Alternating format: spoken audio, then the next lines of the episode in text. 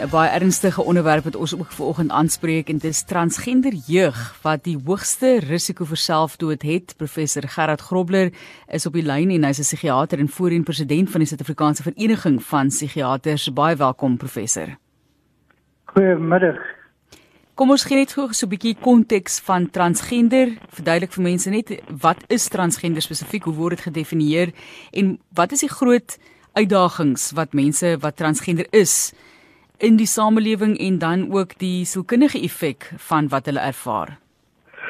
Ehm um, Matlise, verskoon my asseblief as ek na Engelse terme toe verwys want dit is nie 'n onderwerp wat goed beskryf in Afrikaans is nie, maar ek gaan my bes doen met om dit in Afrikaans te vertaal. So transgender ehm um, beskryf 'n toestand waar 'n persoon ehm um, in hulle alledaagse lewe hulle self bevind in 'n een geslag wat bekend staan in die literatuur as 'n uh, lived of 'n um, affirmed gender en hulle vind dit um, dan uh, teenstrydig met die geslag wat hulle toegewys is uh, toe hulle gebore is of hulle sogenaamde assigned genders of toegewyde geslag. Met ander woorde wanneer 'n persoon gebore word en hulle word ondersoek deur die vroedvrou of deur die dokter, die pediater of die uh, op steviese dokter wat dan sê hier is 'n seentjie of 'n dogtertjie, maar deur hulle lewens kom hulle agter my belewennisse, my my uh, binnewêreld, my gedagtewêreld, maar ook die manier wat ek myself uitdra, ehm um, stem nie ooreen met hierdie geslag wat aan my toegewys is nie. En dan ontstaan die toestand van transgenderisme. Maar uh saam met dit is daar ook wat bekend staan in die literatuur as uh, gender dysphoria of geslagsongemak. En geslagsongemak is die ehm um, die toestand waarop ons meer fokus vanuit 'n psigiatriese hoek uit. En dit is die die ongemak wat dan ehm um, uh daar voorkom wanneer mense bewus raak van hierdie diskrepansie. Die navorsing op die oomblik wys dat die dat uh transgenderisme is word nie beskou as 'n geestesiekte nie, maar geslagsongemak of geslagsdisforie um, is geassosieer met 'n hele verskeidenheid van psigiatriese toestande soos angsversteurings, gemoedversteurings, substansafhanklikheid en dan soos wat jy genoem het in die inleiding selfdood. En dit is wat ons probeer behandel wanneer ons ingrepe doen um, in mense met met geslagsongemak eerder as net transgender per se. Dis so 'n komplekse saak hierdie professor en geweldig individueel as ek dit maar so kan stel. Mm. Dis baie moeilik vir mense om hierdie gevoel wat die persoon het en waarmee hulle liewer assosieer te verstaan. Hoekom dink mm. jy is dit vir ons so moeilik? Wel ek dink jy het reeds antwoord gegee omdat dit 'n hoogs individuele ervaring is. So vir party mense is dit redelik maklik om van een geslag na 'n ander geslag oor te skakel en hulle hulle voel baie gemaklik in hulle lewens en hulle is in 'n omgewing waar hulle gemakliker aanvaar word en waar dit nie 'n kwessie is nie. En en ander mense bevind hulle in situasies waar dit enorme ekonomiese en sosiale en maatskaplike ontwrigting te te volg teweegbring ehm um, familietwis en en uh, verwydering van die familie en ehm uh, mishandeling in, in sekere gevalle of verwerping en stigma wat daarmee gepaard gaan. So dit is 'n ontwikkelingsproses en dit dit het hele spektrum hoe dit na vore kom. Party mense is dit bietjie makliker, party mense is dit aansienlik moeiliker. Daar is so baie mense wat ek ek dink graag wil help op 'n manier ook. Soos 'n bietjie daaroor ook gesels word hoe die gemeenskap mense kan ondersteun. En ek weet van die statistiek wat jy het is gebaseer op Amerika. Hoe algemeen hmm. is hierdie gevoel van die twee verskillende definisies wat jy gegee het van transgender en dan die manier hoe hulle self verkeerdelik sien? Ek weet ek, ek omskryf dit dalk verkeerd maar ek hoop dit maak ja. So, dit is 'n baie moeilike vraag om te antwoord omdat ehm um, veral in Suid-Afrika het ons nie akkurate syfers nie, maar as ons kyk na die na die wêreldwye insidensie, dan wissel van enigiets uh in 1 in 1000 na 1 in 10000 uh mense. Ehm um, aanvanklik het ons gesien dat daar meer ehm um, mans na vrouens as vrouens na mans oorgang is, maar dit dit, dit lyk of daar 'n sekere wêrelddele 'n uh, uh, gelyke geslagsverdeling is. Ehm um, wat die gemeenskap kan doen. Jy weet die die grootste probleem wat ek sien as ek met mense praat wat te my toe kom vir hulp rondom uh geslagsoorgang en en geslagsongemak of geslagsdisforie is 'n gevoel van verwerping, 'n uh, gevoel van verstoting en en aan die ander kant van die spektrum van mishandeling, ehm um, beide fisies, seksueel en ander vorms van mishandeling. En so as daar een boodskap is wat ons graag met hierdie uh, persverklaring wil uitbring is om te sê as 'n mens die die uh leiding van van sommige mense met transgender wil verbeter, dan moet ons 'n meer in, insluitende en 'n meer um, gemeenskap hê waar mense meer tuis kan voel in hulle eie vel en hulle eie lewens. Jy luister na 360. Ons fokus op transgender, die transgender gemeenskap en ons praat met 'n psigiater, professor Gerard Grobler daaroor en die feit dat hulle die hoogste risiko onder jeug het vir selfdood. So kom ons praat net gou vinnig oor hoekom die jeug so groot risiko het van selfdood en nie ook volwassenes nie. Wel, ek dink dis waar dat volwassenes nie risiko het nie. Daar is internasionale studies wat wys dat tot 50% van mense met uh, transgenderisme ehm um, oorweeg selfdood op 'n stadium. Ehm um, maar ons is spesifiek gefokus op uh, die jeug en dan veral op tieners. Omdat ek dink dat tieners 'n besonder vatbare gemeenskap is. Dit is 'n tyd van mense lewe waarin jy ehm um, ook weerloos is en vatbaar is vir besonder vatbaar is vir ander mense se opinies vir goed soos uh, boelie uh, boelie gedrag en uh, mishandeling ehm um, en en waar mense baie keer hopeloos voel, hopeloos voel, um, onmagtig voel en en soms baie eensaam voel in 'n gemeenskap waar hulle nie tuis is nie, waar hulle nie aanvaar word nie en waar die enigste oplossing vir hulle lyk is om hulle self uh, uit die weg te maak.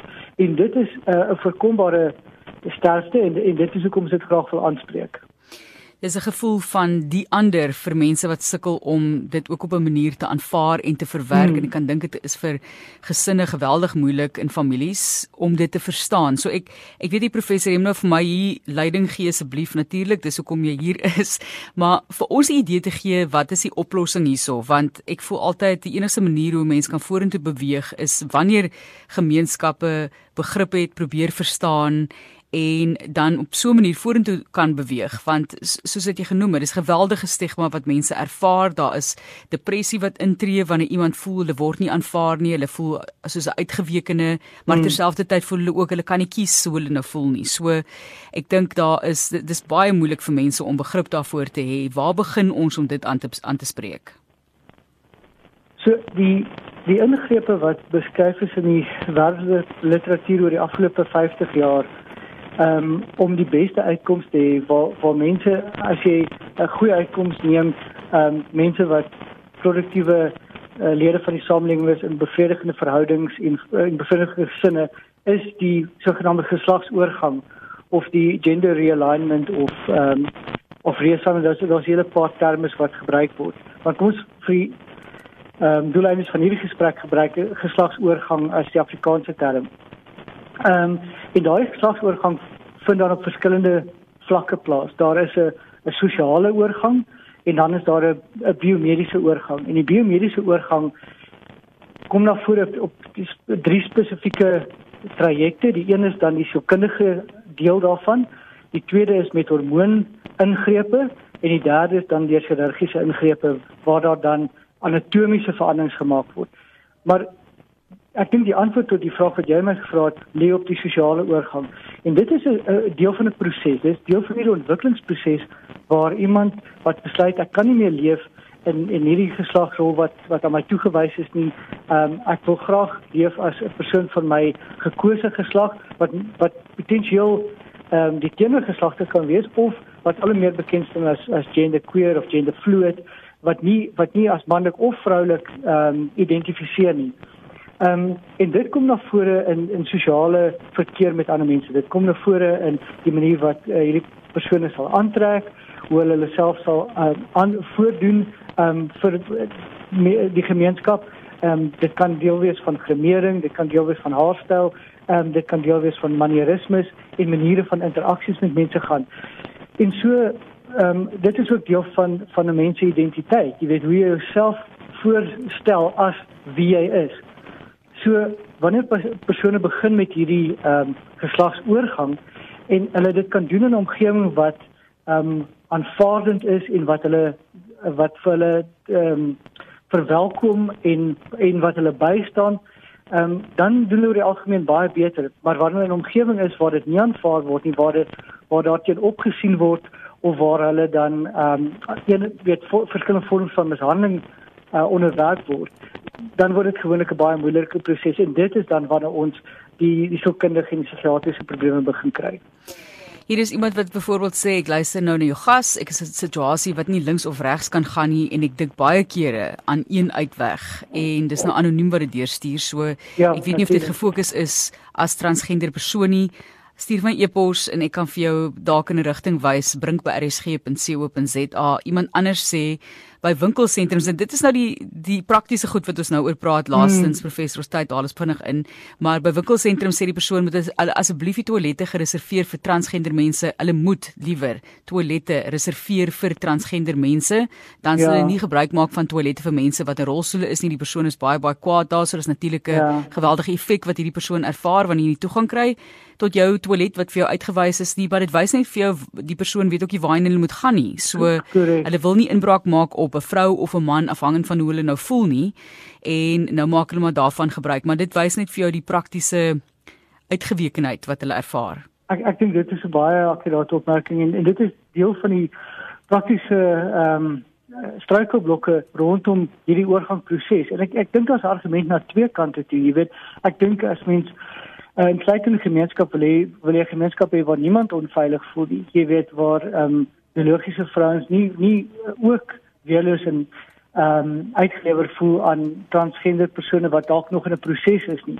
Ehm um, en so daar ek dink oor die wêreld word daar geworstel met wat is die beste oplossing wat insluitend is maar wat ook nie ehm um, mense aan aan gevaar na enige kant blootstel nie.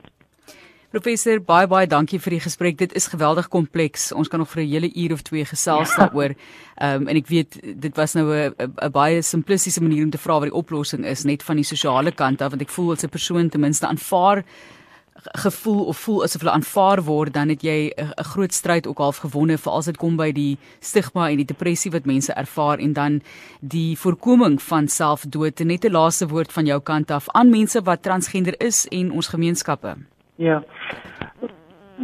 Wanneer ek hierdie gesprekke voer, dan wil ek mense altyd los met die een boodskap wat ek dink die belangrikste boodskap is en dit is dat wanneer ons streef na 'n gemeenskap waar mense wederzijds respek het en waar mense wederzijds aanvaar en um, met waardigheid behandel word, dan dink ek die beste wat ons kan doen is om net by die goue reël te bly. En die goue reël is behandel ander mense soos jy wil hê hulle moet jou behandel en moenie aan ander mense doen wat jy nie wil hê dat hulle aan jou moet doen nie. Ek dink as ons daarbey kan bly, gaan ons waarskynlik 'n gemeenskap hê waar um, mense meer ingesluit voel. Ja, dis 'n goue reël vir ons almal, net daai professor. Baie baie dankie weer eens vir die gesels vandag en sterkte met die werk wat julle doen. Baie dankie. Dit dan professor Gerard Grobler, hy's 'n psigiater en voorheen president van die Suid-Afrikaanse Vereniging van Psigiaters. En soos hy gesê het, dit is ook volwassenes wat transgender is wat daardie gedagtes kry um, en wat self dood oorweeg weens die feit dat hulle so, die die lewe so moeilik ervaar, maar in hierdie gesprek dan die jeug wat hulle sê die hoogste risiko vir selfdood het soos wat die statistiek spesifiek daar in Amerika ook uitgewys is soos ek dit verstaan. Maar jy kan van e-pos stuur as jy die inligting soek. Dis bring by rsg.co.za en uh, so kan jy saamgesels op 360